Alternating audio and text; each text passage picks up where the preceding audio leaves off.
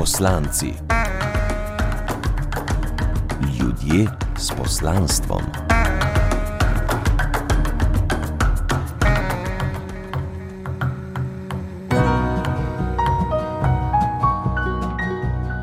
Dobro večer na valu 202, David Lab, zdravko poglajen in Katja Črnila smo z vami v naši družbi, pa tudi en gospod, pisatelj, pesnik, scenarist in še kaj, Ferry Lanšček.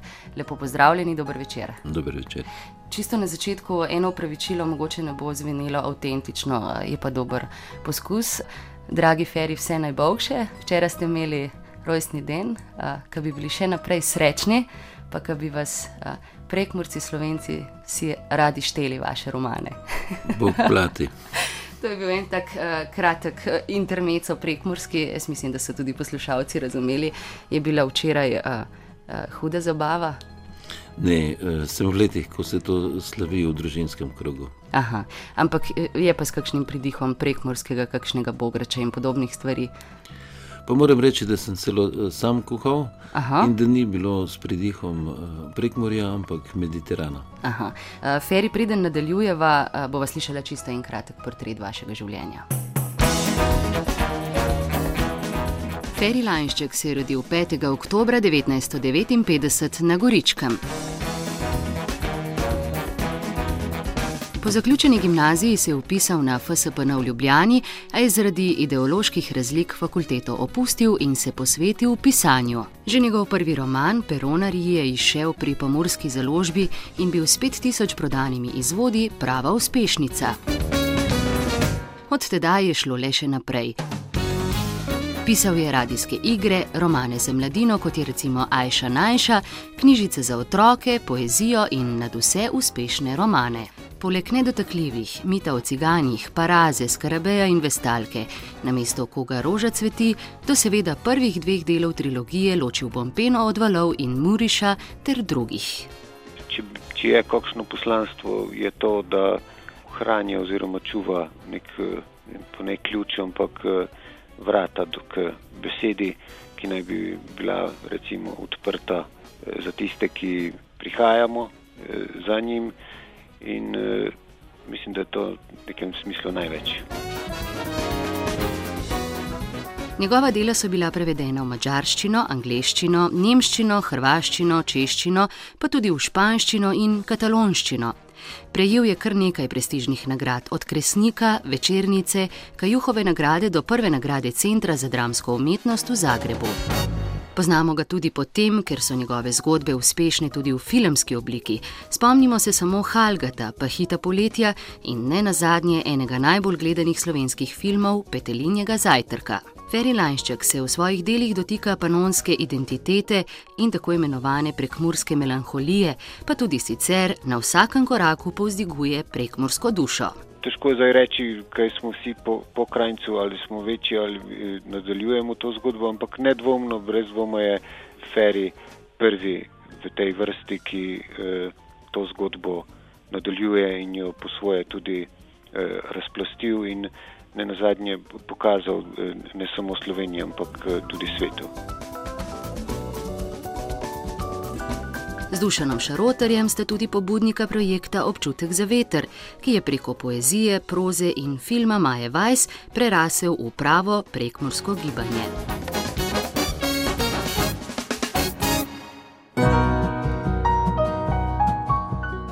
V Feri živeli ste uh, kot otrok v tipični tej prekmorski hiški, a se reče Cimpreni, je bila to ta. Ta, v kateri sem živel, je bila pravzaprav iz, dobesedno iz blata in slamena. Uh -huh.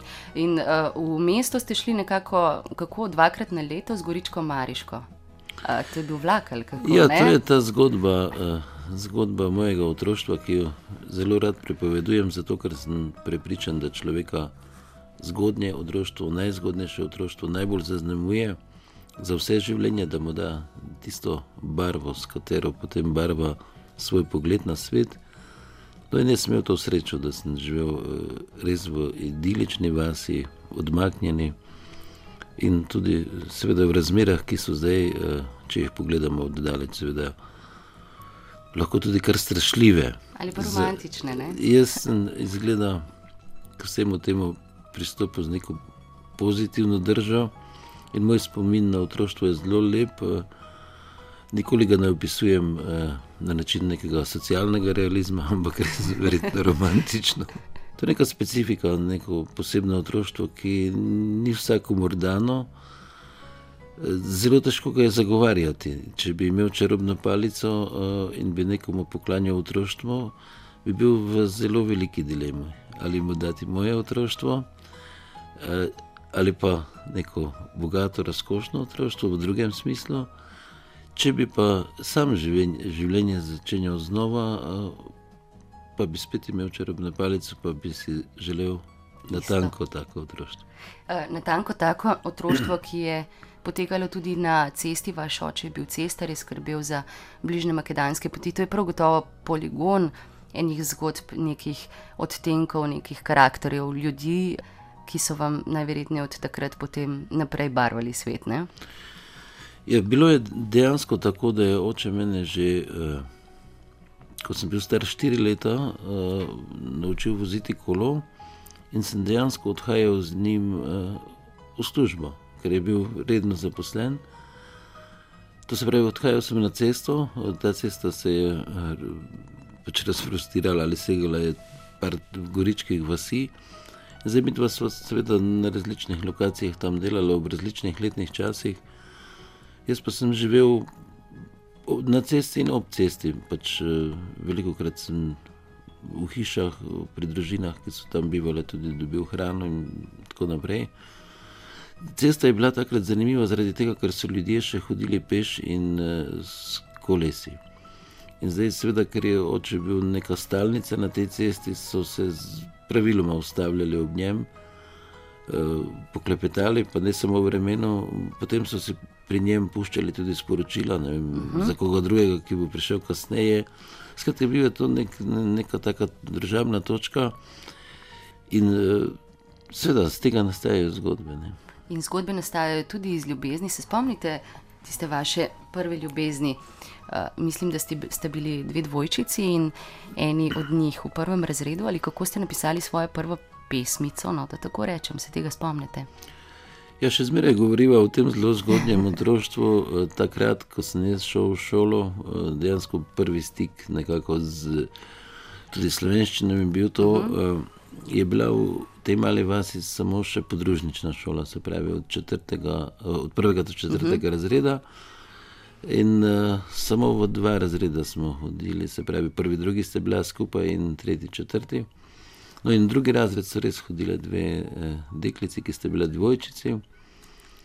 In jaz sem se takrat zaljubil eno izmed njih, ki se mi je zdela vendarle lepša, pa nisem upal tega povedati. Sem potem enkrat eh, potegnil črto na eni razglednici, ki sem jo našel pri mami, eh, pa sem na zgornjo črto napisal zelo si repa, uh -huh. na spodnjo pa imam te rad. In sem to spustil v šolsko torbo ampak so si deklice izgled torbe menjale in je polona druga dobila to moje sporočilo. Pa je rekla to mami svoji, pa je njena mama rekla uh, moji mami. Skratka, z tega je nastala ena taka, uh, en tak štos, ena taka zabava. Veliko so me, po domače rečeno, zafrkavali zaradi te ljubezni. Uh -huh. Ampak jaz imam v enem zelo lepem, uh, zelo lepem spominu in zmeraj rečem, da je dejansko bila to prva pesem ne, ker sem izpovedal svoje čustva. Deklici, tako, deklici, Otroštvo je lepo, seveda, tudi zaradi prijateljev, ne, s katerimi ga preživljamo in tudi kaj ušpičimo. Gospod Branko Lepoša je vaš prijatelj od nekdaj, da tako rečem, no in vajnih rosnih dni skupnih se spomni tako. Najne poti so se smere končale pri neki inovativnosti. Ne. Če samo omenim, da je Feriva zelo zgodaj zanimalo veliko stvari, tega največ eh, risanje, slikanje, kar se spomnim, že takrat je risal čudovite slike. Zanimalo naj je recimo opazovanje ozvezdja s teleskopom, ki smo ga sama delala iz leč in svitega kartona. Eh, seveda pozneje je prišla tu glasba, fotografije in eh, tukaj so se sošolci malo čudili, odkje vse te ideje in kje je taka zanesenost. Ne? Naj omenim tudi, da sva zelo zgodaj začela s modelarstvom, sva pristala celo nekoč na republiškem tekmovanju. Skratka, uh, zelo inovativno otroštvo. Ne? Že takrat ste imeli zelo bogato domišljijo, oba z Brankom. Ne? Kako se izdela teleskop doma? Zelo enostavno, še zdaj bi ga vedel narediti. Ne vem, če se še dobijo leče eh, v taki obliki zakupiti. Eh, Branko je res eh, moj prijatelj iz tistega najbolj zgodnega otroštva in ostala so verjetno za vse življenje povezana, eh, neverjetno, ampak zagotovo. Tudi sam ni imel drugega v otroštvu, se mi zdi, kot tiste radovedne oči. In to naj je združilo še, pravim, še v tistem obdobju pred osnovno šolo. E, kasneje, ko sem jaz prišel potem e, iz te male podružnične šole na e, tole šolo v Vasi Šalovci, ne, od 5. do 8. razreda, sva pa res zelo intenzivno raziskovala svet na ta način, kot ga je zdaj, kot ga je zdaj opisal. Tudi Branko reče, eh, ne dolgo tega smo bili skupaj eh, po teh najnih poteh. Eh, tako, peš, tudi on reče, da ob vsem, kar je doživel v otroštvu, ima ta pogled nazaj kot lep, ne? kot da je mhm. imel lepo otroštvo. To je zanimivo. No? To je zanimivo. Ne vem, iz česa to izvira. Uh, Mogoče naj pa tudi to druži, ne, da imamo podoben pogled na stvari, da iščemo neke pozitivne, eh, svetle plati eh, življenja. Ja, tiste, ki so pa temačne, pa verjetno pridejo potem na plano skozi literaturo ali pa ne vem, ob kakšni dobri ciganski glasbi, ko se čustva razplamtijo. Razplamtijo in prebudijo. A ste res prebrali celo knjižnico do tretjega razreda, tiste, ki je obstajala za odrasle in za otroke knjige? To, ja, to, je res, to je zgodba iz te male podružnične šole. Ta knjižnica je seveda vsegala eno sobo, eno učilnico. Jaz sem zelo hlastal po knjigah, ker sem bil vse v tistem zgodnjem otroštvu ker sem bil prepričan takrat, da je vsa skrivnost uh, sveta skrita v knjigah in uh, sem prav mrzlično uh, takrat bral vse, kar je uh, bilo na razpolago, ker je pa bila ta knjižnica verjetno narejena tako, da je svoj čas bila tudi neka vrsta ljudske knjižnice, uh -huh. po moje za odrasle, to zdaj samo predvidevam. So bile tam knjige, jaz sem v tretjem razredu bral Tihi Don, recimo knjige, ki nikakor ne. Uh, spadajo, da spadajo ne, uh -huh. v, v branje za otroka. Ne. Ob tem, da sem seveda bral o, o Petrolejki. Ne. Dejansko še zdaj mislim, da zato, ker sem v otroštvu veliko bral o Petrolejki. Imam pri teh letih, no, nisem tako star, ampak imam reč, zelo dober vid. Da, da ne nosite očal, da očitno ne, to ne drži. Ne, da ob... ne kaže, da bi eh, si človek z branjem pokvaril oči. Tako, to je en nasvet za vse tiste, ki naj jo poslušate, eh, nadaljujeva pa po muziki. Kakšno noč, ko pri štorkljah prespim, pod visečo meglo,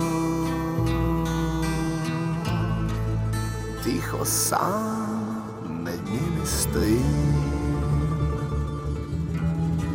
Le noge nad vodo.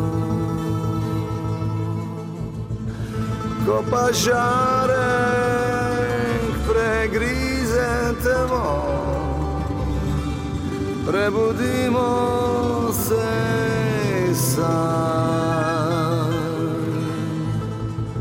Moč virje novih želja bo odletelo. Na mesto koga roža cveti, na mesto koga sem jaz. Katera koža najbolj diši, čigava pesem rabi moj glas na mesto koga rože cveti, na mesto koga sem jaz, katera koža najbolj diši, čigava pisara. glas.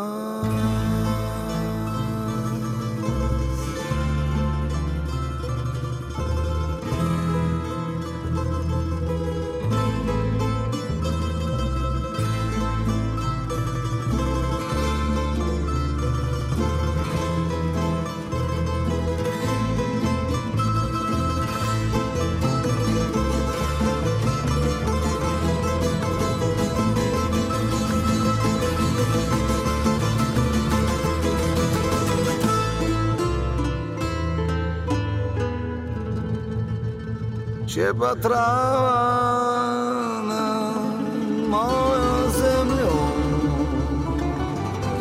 bo premogla kak cvet. Enim tiho kapljo v oko drugim dal bo med na mesto koga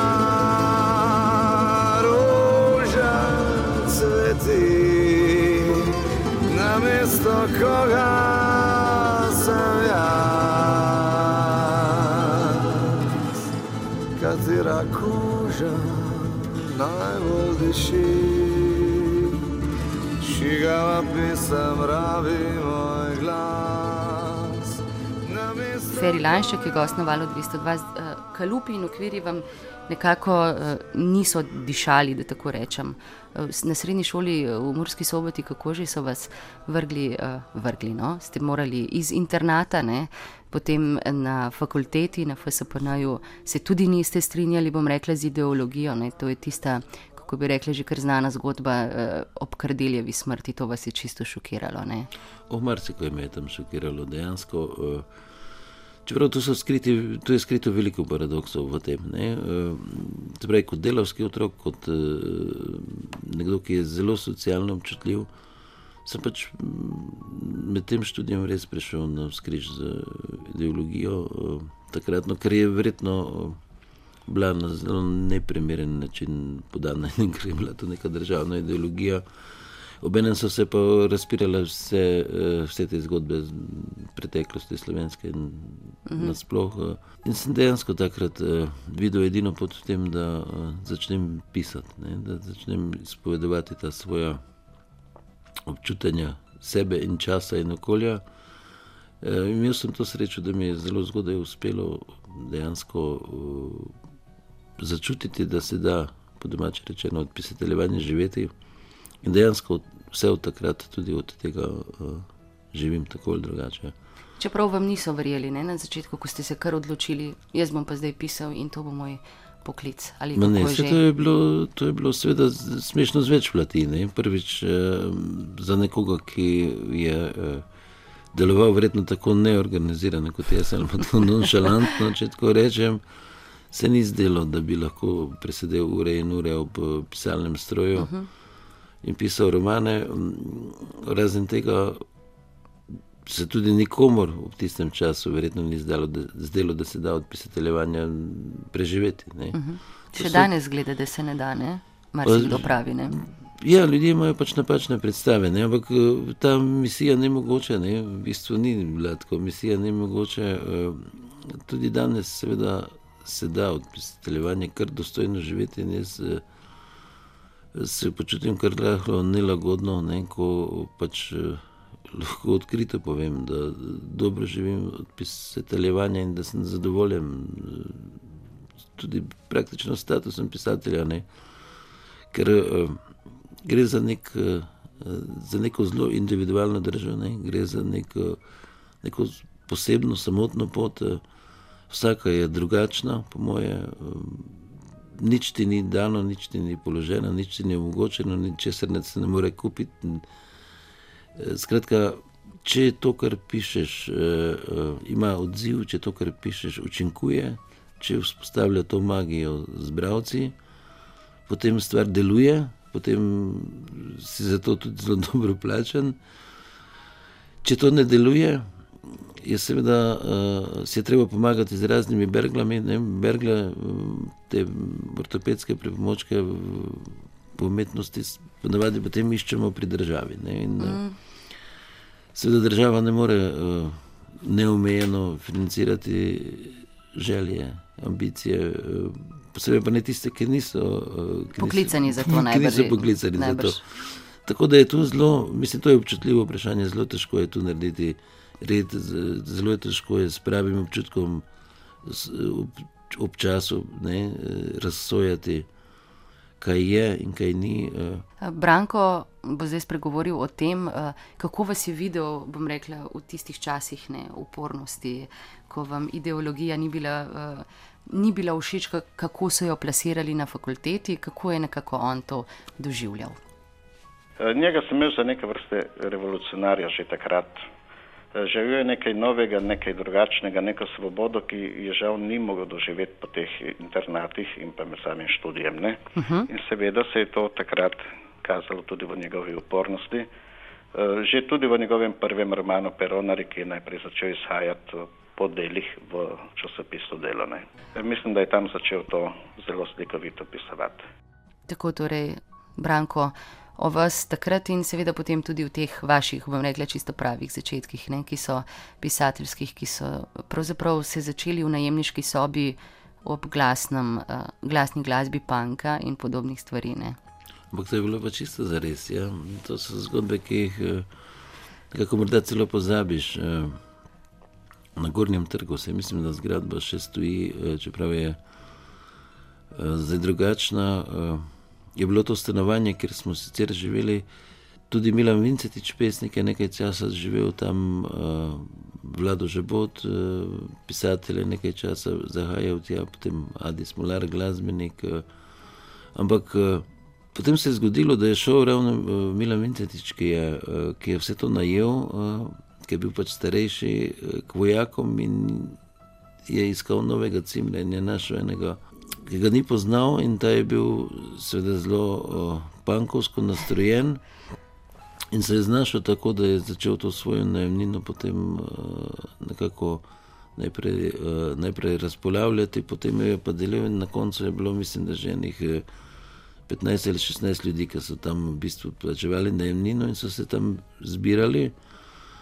Jaz sem takrat pisal te peronare, ki jih Branko omenja. Uh, podstrešje je obsegalo štiri prostore. Uh, jaz sem pisal v drugem, uh, tretjem prostoru je stanoval en Hrvat. Srednji prostor je bil prazen, zaradi tega, ker je šel Milan Vincetič v Vojakom, ja. V prvem prostoru je pa večer za večerom uh, se dogajala pankovska zgodba. In občasno je pač kdo prihajal k meni se potožiti, če se je preveč napil, ali pa kakšna punca, če je imela preveč problemov. In to stanje se je vzdrževalo dejansko. E, jaz sem pisal peronerje takrat še na roko, mislim, na nekih pet ali šest zvezkov izpisal e, v tem, v tem vzdušju. E, to je lep spomin. No. Tudi posebne okoliščine. Ne? Bili ste tudi del struktur, no, ki so sodelovali pri nastajanju slovenske države, da tako rečem, sodelovali ste pri novi reviji, ampak potem, kasneje, ne, odšli v Mursko soboto, ker ste ugotovili, da ne pišete več. Ja, jaz sem bil v bistvu v dveh, eh, dveh uredništvih eh, nove revije, eh, vse do 57. številke, uh mhm. -huh. oziroma vključno z njo, v prepričanju, mislim, da je demokracija tisto, kar bo prineslo svobodo. Zelo idealističen takrat. Eh, če bi rekli na uredništvu, da je treba kje potakniti bombo, bi jo verjetno potaknil in to mislim zelo resno. Pristva, ja. To govorim zelo resno. Srcem, ja. Uh, nisem se pa potem kasneje uh, vključeval v politiko in v strankarsko življenje, ker sem čutil svoje poslanstvo v pisateljevanju. Uh, dejansko sem se iz Ljubljana umaknil v Mursko soboto, oziroma najprej celo v Šalovce na vas, eh, zaradi tega, ker smo samo se stankovali, ne? ker smo samo reševali državo in uh, ustvarjali demokracijo. Uh, jaz sem pa želel pisati. Ne? Želim samo reči, da, da se zdaj eh, pač dobro počutim, ker vem, da sem bil na pravi strani, da mi je šlo za uh, pravo stvar, da sem se v nekem trenutku pravilno odločil in se potem tudi sam osvobodil tega. da nisem s tem zaznamovan, da na podlagi tega ničesar ne želim in da demokracijo skušam razumeti tako, kot zdaj je. In, uh, mogoče vam je znano, oziroma verjetno vam je znano, da sem celo kandidiral. Uh -huh. uh, pač na listi stranke za res uh, letos. Uh, uh -huh. Iz preprostega razloga spet, ker sem začutil, da je trenutek, ko se moram vključiti v družbeno življenje. Ker mi pač eh, to stanje demokracije, eh, ki se pri nas vzpostavlja, ni tako, da bi lahko bil mirno ob strani.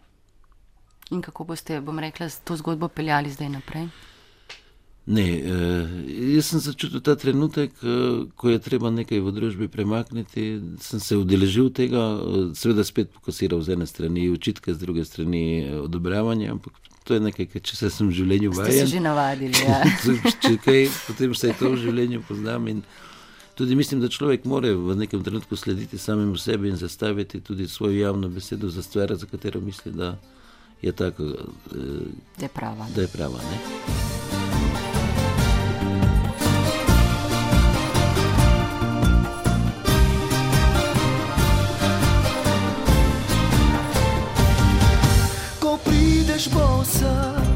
spet duša je čista kot otroške so oči. Na drugi strani te želi sam, karta pade, sreča se smeji. Skupaj priševa,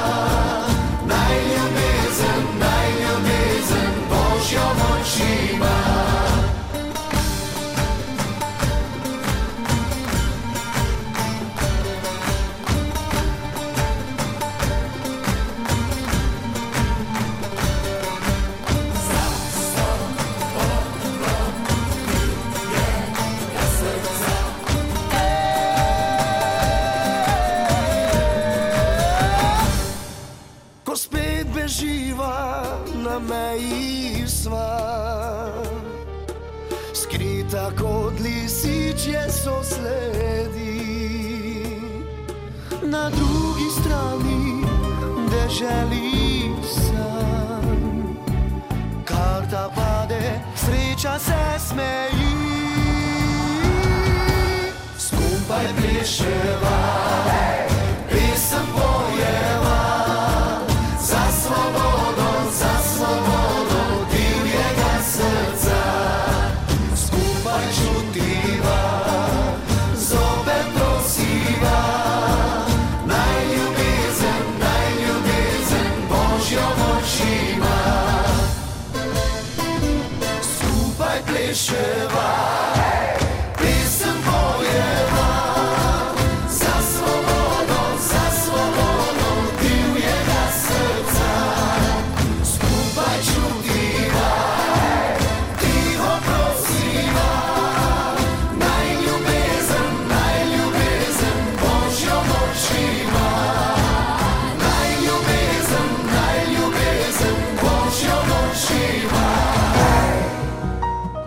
Feri, slišali smo romsko oziroma cigansko zasedbo Langa, vi ste človek, ki odrašča v družbi ciganov. Ne? So vam ljubi in že kot malega vas je motilo, ne? da so drugačni oziroma da jih dojemajo uh, kot drugačne. Ne? Tudi v tem je, bom rekla, nek čar tega otroštva, ne? ki je prav gotovo bilo drugačno kot od marsikoga. Ja, moram reči, da so večina stvari očitno se uh, pač začele pri meni v zgodnjem otroštvu. Eh, ta vas, ki jo omenjam, je imela res ta zaselek, vsega še danes ima, ampak eh, je bolj prazen danes. Bilo je že takrat to nasprotje, oziroma to nasprotje, ki je večno ta odnos belih do, eh, do ciganov. S tem, da moja mama je imela tu neko posebno držo, imela je tako široko srce. Pri nas so zmeraj cigani kaj dobili, ko so prosili, čeprav smo bili verjetno, ali pa ne verjetno, gotovo najbolj revni v tisti vasi. In mi je pač privzgojila to, da, da da zaradi tega, če si pač drugačen, To še nič ne pomeni. to ne? nič ne pomeni. S tem mi je dala seveda to, da sem eh, kasneje veliko pisal o njih in se tudi v bistvu veliko družil z njimi. Mrzkdaj so mi učitali neko, nek romantizem, nek, eh, nek idealiziran odnos do njih. eh, Ti, ki so to počeli, so mi eh, verjetno niso brali mojih romanov, so mi verjetno delali krivice, oziroma mi še danes delajo. Moja mama me je naučila tudi tega, da jaz mm, ciganskega življenja nisem nikoli idealiziral. Jaz sem z njimi uh, dober zato, ker sprejemam njihovo drugačnost. Lahko jo sprejemam uh, in razumem, da so drugačni, in da to, da so drugačni, ni, ni, ni nujno slabo. A se vam zdi, da ste skozi literaturo koga prepričali ali a, mu morda dali to širino, da gleda zdaj drugače? Pa mislim, da sem prepričal zelo veliko ljudi, ne? čeprav to je težko uh, Posploševati. posploševati in soditi, ampak uh, jaz imam zelo veliko odzivov, prav uh, v zvezi s cigani, Romi. Uh, moram tudi reči, da uh, v tem naselju Kamenci, uh, kjer smo snemali film Halgato, kjer sem spoznal v bistvu te najboljše prijatelje takrat uh, in ohranil to, te stike. Uh, Je tudi potekala neka zgodba kasneje, na katero sem so vplival. Uh, namreč tam je postavljen ta verjetno prvi romski muzej v Evropi. Mm. Tam je okolje, kamor prihajajo turisti, tako rekoč z avtobusi, kjer, kjer pač uh, je zmeraj tudi zabava, ples. Uh, na drugi strani pa so zdaj vključeni v razne evropske projekte, potekajo predavanja, tabori. Skratka, iz tega se je razvilo uh, nekaj, kar bi moralo biti, po mojem, vzgled za to sobivanje, sožitje. Branko Lepoša je nekako vas kot pisatelja ne, videl oziroma povezal tudi s to zgodbo, bom rekla, vašega otroštva in vašega življenja in sicer tako. Veste, Fer je živel v razmerah, ki jih je danes težko razumeti. E, Živel je v eni družini, e, čudoviti, topli, e, obenem e, pa so se ljudje ukvarjali, pač njegov oče je bil cestar in tako. In del tega je on prinesel v svoje romane. V vsakem njegovem romanu je delček njegovega življenja iz otroštva. Kakorkoli ga berem in obračam, je v vsakega vnesel del tega. Tu bi predvsem podaril njegov izreden čut za solidarnost in vsemu temu je prispevala njegova družina. Eh, Tako da, karkoli roman njegov preberem, eh, čutim nekaj tistega tam noter. Tako torej. In on prav gotovo ve, ne? glede na Ne, to, da me- vas toliko časa reči- pozna. Ne? Moram reči, da me v bistvu zelo preseneča z temi opažanji, ker se nismo nikoli uh, pogovarjali o tem na ta način. Ampak vidim, da uh, vidi z druge strani zelo daleč in zelo globoko. Vi ste eh, nekoč eh, pripovedovali, da imate to neko sposobnost ne? priklopiti se na kolektivni spomin in uvideti, kako so stvari izgledale takrat in nekoč in v okoliščinah, v katerih vi niste morda nikoli živeli, jih nikoli videli, eh, o njih nikoli brali. To je prav gotovo zanimiva in potrebna, no, bom rekla, sposobnost za avtorja, kot ste vi. Jaz sem se s tem veliko ukvarjal, skušal sem uh, raziskati, nekako, uh, kje se uh, spostavlja poetično, kje se eh, spostavlja ta pesniški pogled, pesniška resnica v tem svetu. Uh, veliko sem se ukvarjal z, pač s to doktrino Jungovo. Uh -huh. Imam se za Jungovca, uh, imel sem to srečo, da, oziroma imam to srečo, da živi v Prekmorju oziroma v Rakičanu tudi eden uh, redkih uh, Jungovcev, uh, uh -huh. slovenskih, ki je študiral v Švici na Jungovem inštitutu, dr. Magdič, so tudi veliko dejansko komunicirala. Uh -huh. Lahko veliko mi je pomagal, tudi v, razumevanju tega. Na drugi strani sem se ukvarjal tudi s stvarmi, o katerih ni pametno govoriti po radiju, se pravi z okultnostjo in z magijo. In preko nekega spoja tega kolektiva, kolektivnega nezavednega pojunga, uh, oziroma tega, kar se pod tem pojmom skriva, in uh, nekaterih bolj kontemplativnih pristopov, sem dejansko na praktičnem primeru, to je v romanu Skrbe in Vestalka, napisal roman z načinom vživljanja v deklico, ki je živela pred 3000 leti. In to je neka izkušnja, ki človeka zelo, uh, zelo zaznamuje, uh, posebej še, če potem ta roman uh, dejansko tudi funkcionira, stoji. O vas kot pisatelju, ali morda bolje kot avtorju, boste povedala več gospod Dušan Šarotar, vaš prijatelj, tudi pisatelj in Mitja Čander, glavni urednik založbe Beletrina. Feri je vsekakor tisti avtor, ki je svojo pisavo razplastil oziroma postavil v vse možne oziroma različne žanre in tudi pisateljske lege. In uh, mislim, da je prav v tem uh, mojster, da, da zna, ko piše roman, napisati trdno zgodbo z napeto in seveda jezikovno izbrušeno in hkrati po drugi uh, občudujem pri njem, da lahko napiše recimo v naslednji knjigi pa uh, zelo krhke, lirične, uh, spevne pesmi. Jaz sem moram reči, da sem se od tega, če bi se kaj rad naučil od njega, kot pisatelja se vedno občudujem tudi to njegovo zmožnost menjavanja teh pripovednih lik. Jaz mislim, da Ferry Lanšček je res fenomen v slovenski literaturi, eh, zato ker je po eni strani izjemno popularen avtor, torej najde ključ do res uh, src in uh, zavesti res številnih bralcev, po drugi strani je pa seveda izjemno kvaliteten avtor in mislim, da ta dvojnost, eh, kvaliteta na eni strani in popularnost na drugi strani je zares nekaj zelo posebnega, za, eh, ne samo za naš prostor, ampak nasplošno v svetovni eh, literaturi. Eh, tisto, kar mene vedno znova navdušuje pri njem, je nek neverjeten pripovedovalski talent.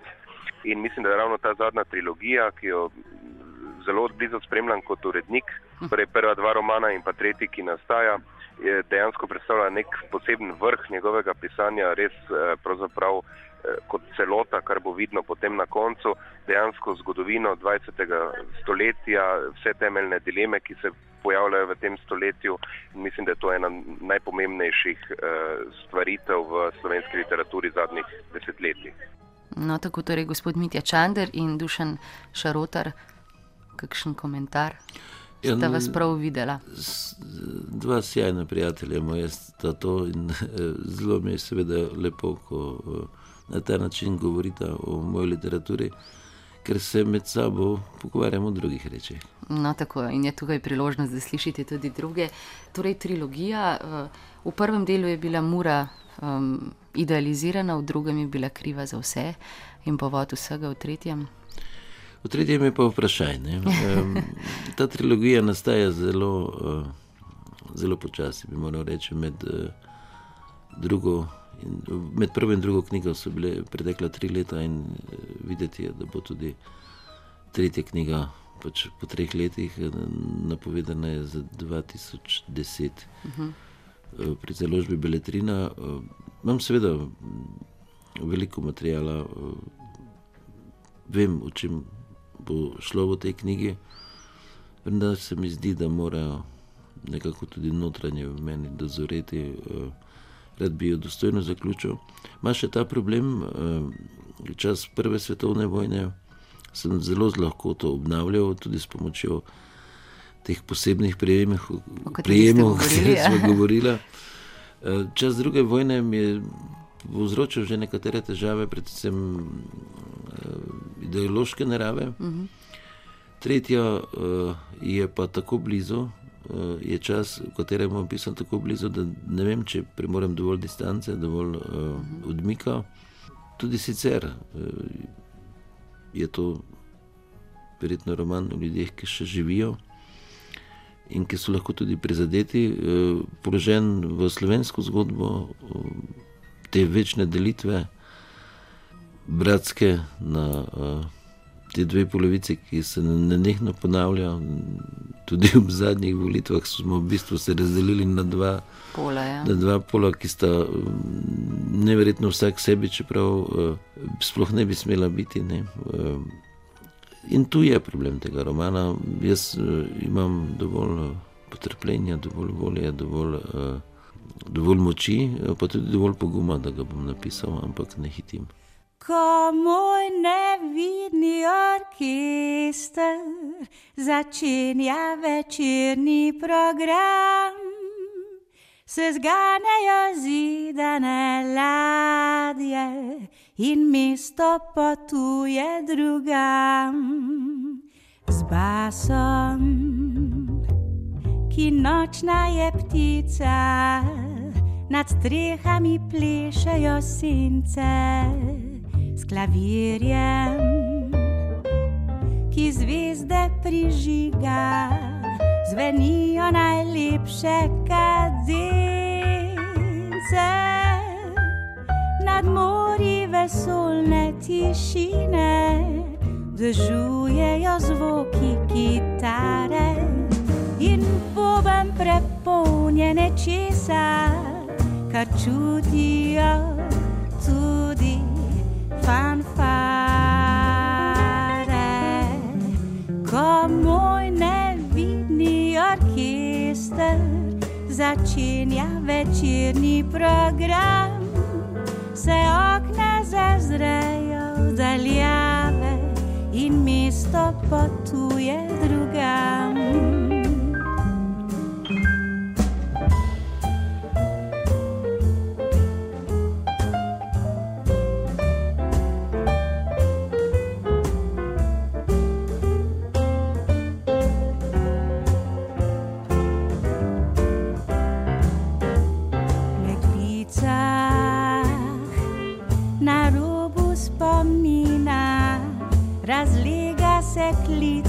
Klarineta ozavne. Dvigujejo glave, zvedave kot mlada deklica. Iz duše gre glas saksofona v višave, brezmejne svobode, trobinte letijo s komiti potirnica skrivne usode. Igra moj nevidni orkester, v veter zapisane note. Še sama se v pesem spreminjam z dotikom božanske lepote. Gospod Lanšček, slišali smo Mijo Žniderič, vašo kolegico, s katero ste veliko sodelovala po glasbeni plati. Eden nekako vaših zadnjih skupnih, da tako rečem, projektov je Nevidni orkester, no, ampak o vas in vašem sodelovanju Mija Žniderič. Meni se zdi, da Feri Lanšček ima eno tako milino v sebi in da jaz se z njim sploh nisem rabila kaj zelo veliko pogovarjati. On me je kar začutil, kar najdo in, in, sva, in je kar pisati, začel je pisati, ker smo omenila, da bi rada nadila en nov plošček z njim spet po pobarvanki. Uh -huh. In uh, Feri ima, Feri najde to žensko dušo, to, vse to, kar imamo punčke. No? Jaz ne vem, kako naj to bolj preprosto povem. Jaz pač povem tako po svoje, da imam Ferija rada kot človeka in kot pisatla in kot pesnika. In se mi zdi uh, tako strašno velika čast, da je on to naredil za me in da je to naredil za nas vse, ki smo tu prisotni. V glavnem, Feri Lanšček je en velik romantik in ta njegova panonska nižina se čuti v skoraj v vsaki drugi besedi in meni je veliko čas, da, da smo naredili že toliko lepih stvari skupaj in upam, da bomo še kaj. Tako torej, Mija Žniderič, da bom rekla, nasploh tudi besedila pišete, tudi sicer besedila za avtorje, je pa je tudi ena izmed vaših ljubših stvari, ki jih počnete. Ne? Ja, ampak Mija je posebna zgodba. Mija je v glasbi bila vaša. Je. Mija je posebna zgodba, zato ker preprosto v tem odnosu z njo ne vem, ali je ona moj medij, ali ona izreka to, kar jaz napišem, ali sem pa jaz njen medij, ali jaz napišem to, kar si ona želi. Tako zelo smo prepleteni, zadnjič sem v neki kritiki ali pač v nekem spremljenem dopisu tega, te zgoščenke, nevidni orkester zasledil ravno te besede, ne, da ali jo res tako zelo dobro poznam, da se zdi, kot da bi dejansko uh, pisal iz nje. Uh -huh. In uh, moram reči, da pri tej najni bližini, tako medčloveški, tudi sam več ne razločim tega. Morda niti ni pomembno. Ne, uh, je pa tudi res z druge strani, da v bistvu sodelujemo tako na vsake štiri leta, se mi zdi z leti sem bolj slaba, ampak eh, na neka daljša obdobja in da morajo stvari zelo dozoreti, da potem nastane tistih 10-12 uh, pesmi, ki pa so. Ki pa so res uh, avtentične, ki so res take. Namreč, uh, pričem, zakaj gre pri tem, uh, pri ustvarjanju besedila za druge glasbenike, oziroma za druge, za, za izvajalce, za, pač za nekoga, ki to interpretira. Gre za preprosto zavedanje, da so na eni strani moje čustva, je na eni strani nek moj odnos do sveta, moj pogled, in na drugi strani so seveda glasbeniki oziroma je izvajalec, ki eh, to mora ponotraniti in stoji pred tem, eh, pred publiko, pred uh -huh. gledalci. Ta razkorak, ne, ta razdalja je včasih eh, neznosno velika in to se potem tudi takoj opazi.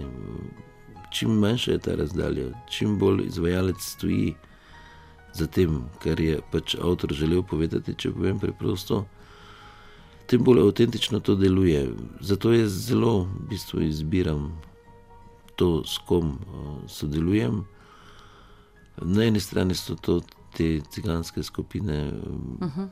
Langa, prej, zdaj malce bolj Helgato, ki so v bistvu zelo zahtevni izvajalci, v, ravno v tem smislu, da zelo težko vzamejo nekaj drugega. Mhm. Zelo težko se identificirajo z nečim, kar jim že sicer ni blizu. E, potem so pa to tako občasna, občasna sodelovanja, ki pa zmeraj imajo neko zgodbo. Ne težko bi se zdaj spomnil besedila, razen mogoče kakih par, ki mi jih je kdo preprosto naročil. Ne. Uh mhm. -huh. Zmeraj je eh, nek proces. Eh, splet nekih na ključi. Ne? Nekih, neko srečanje, nek, nek odnos do zadeve. Jaz nisem izmed tistih, ki bi računal na nek velik dohodek pri SAZAS-u, tudi nisem tisti, ki bi težil po pisarnah Sazasa, uh, ker preprosto ne pišem za to. Ne. Pišete najverjetneje za svojo dušo. To ne? je znotraj mojega, mojega ustvarjanja, znotraj tega, kar zares počnem, je to neko moje majhno zadovoljstvo, mogoče kot nek koniček, hobi, prostočasna dejavnost. Uh, imam namreč zelo rad uh, glasbo in uh, zelo dobro se občut, počutim ob živi glasbi. Gospod Feri, povejte mi, eh, a vam je res vedeževalka ali kako že napovedala, da boste imeli velik uspeh tudi na filmskih platnih? To je res, ja. To je res. Nastalo je vse skupaj v bistvu iz štosa, bi celo tako rekel iz marketinškega štosa, ki sem ga pa nekako sam evociral, ko je se Andrej Mlakar takrat odločil, da bo snimal po romanu na mestu, ko ga rože cveti. Pač predlagal potem tiste ekipi, ki se je ukvarjala z promocijo filma, da bi preprosto šli uh, k vedeževalki, pa naj nam pove, kako se bo mhm. dogajalo. Uh, bilo je to tudi objavljeno, zdaj se ne bom spomnil, ali je bilo v javni reportaži ali v slovenskih novicah, celo na prvi strani. Uh, no, in tam je tudi zapisano to, kar ste zdaj rekli. Ampak vi je, tudi sami obvladate tarot, karte, egipčanski tarot. Uh, jaz se ukvarjam se z različnim tarotom, se ukvarjam dejansko, ampak ne zaradi vedeževanja, prerekovanja, bolj, ne bolj, ampak zanesljivo zaradi te simbolne govorice uh, teh kart. Uh, to je namreč ena zelo obširna, uh, obširna znanost. Uh, uh -huh. Tarotov je na svetu narisanih, verjetno že ne prešteto. Uh -huh. Ampak jaz sem se nekaj časa zelo oklepal enega keltskega terota, ker sem se pač s keltsko mitologijo ukvarjal, tudi zaradi romana, ki sem ga prej omenjal, uh -huh. skrbej vestalka. Uh -huh. Zdaj sem pa na koncu pristal pri tem pač egipčanskem terotu, zato ker so karte tako dragocene, tudi tako zelo dobro narejene, da, da mislim, da dragocenejših ni za dobiti. In jih tudi hranim samo zase. No. Ne vedežujem, ne prerokujem. Včasih pa uporabljam v bistvu za, na nek način za meditacijo te simbole z teh kart. Jung me je vpeljal v uh -huh. svet simbolov, mislim, da je ta svet zelo bistven za naše življenje. In mislim, da v bistvu s pomočjo simbolov dejansko komuniciramo in živimo. Ja. In živimo. Feri, proti koncu najnega pogovora še o tistih stvarih, ki so življenjske, domače, kateri od, da tako rečem, tudi hobijev zdaj prevladuje risanje, slikanje, fotografiranje, kuhanje. Moram reči, da se zdaj največ ukvarjam z enim uh, majhnim kuškom, uh, ki, ga, ki so ga, smo ga z otroci prinesli iz Pečuha na Mačarskem, ker je zelo redka pasma, uh -huh. uh, ki je star tri mesece in uh. nam odžira ves čas. Uh, dojenček, ne? Dojenček, dobesedno. Uh, Predvsej fotografiram. Uh, imam eno tako zelo zanimivo zbirko uh, fotografij uh, prek Murja oziroma Panonija, te, Panonija, ravnice, ki je sicer seveda na ravni amaterske fotografije, ampak je zanimivo potem, da fotografiram v zelo nemogočih uh, razmerah, se pravi v meglite, mi, uh -huh. snegu, dežju. Uh, ampak to je tak občasni, občasni konjiček. Drugače vidim, da so vsi ti moji hobiji uh, bolj ali manj povezani s pisateljevanjem. Prej ja. smo umenjali glasbo, potem uh -huh. je tu še film, ki ga tudi štejem na nek način uh -huh. za, dejansko za hobi. Hobi, ja. za hobi v bistvu. Pa tako, naj kuham, pa seveda zelo rad. Ja. Uh, imate sina in hčer. Uh, A je res, da Kaja vsaj še do pred let ni brala vaših romanov? Se Imate nekako družino, bom rekla, družina je družina. Ja, zelo sem, zelo sem se trudil, predvsem ko so bili otroci manjši, da ne bi, da ne bi na njih testiral uh -huh. svojega pisateljevanja. Tudi zelo si prizadevam, da ne bi eh, bili obremenjeni s to neko mojo slavo, s, uh -huh. s, tem, s to mojo prepoznavnostjo. Zelo sem zadovoljen, da hčerka v bistvu študira oziroma končuje gradbeništvo in ekonomijo, da je tudi sin, drugo, sin v, bistvu v srednji šoli za turizem, da ni nevarnosti, da bi eh, hodila to mojo pot eh, prevelike imaginacije in eh, pesniškega dojemanja sveta. Ker ob vsem lepem to rojeva veliko nesporazumov s tem svetom, in dejansko terja to uh, protestniško držo, to neko držo proti. Ki ni vedno lahka. Ki ni vedno lahka, če pa je ni, pa iz vsega skupaj tako ni nič. Ne. A, a karate je še aktualen, tudi pri vas, sin je. Treniral, vsaj to vem, da je, pa je tudi vas navdušil za to. Ne, ta zgodba se je začela tako, da se je on pač zbral to, ta šport za uh, svojega in me je pelal, da bi ga vpisal, uh, pol ga je pa bilo malo strah, uh, očitno pristopiti in me je pač nagovoril, da sem začel z njim trenirati, takrat je bil še zelo majhen. In smo trenirali, seveda, vse do rjavega pasu, uh -huh. se pravi, tik pred mojstrskim izpitom smo odnehali.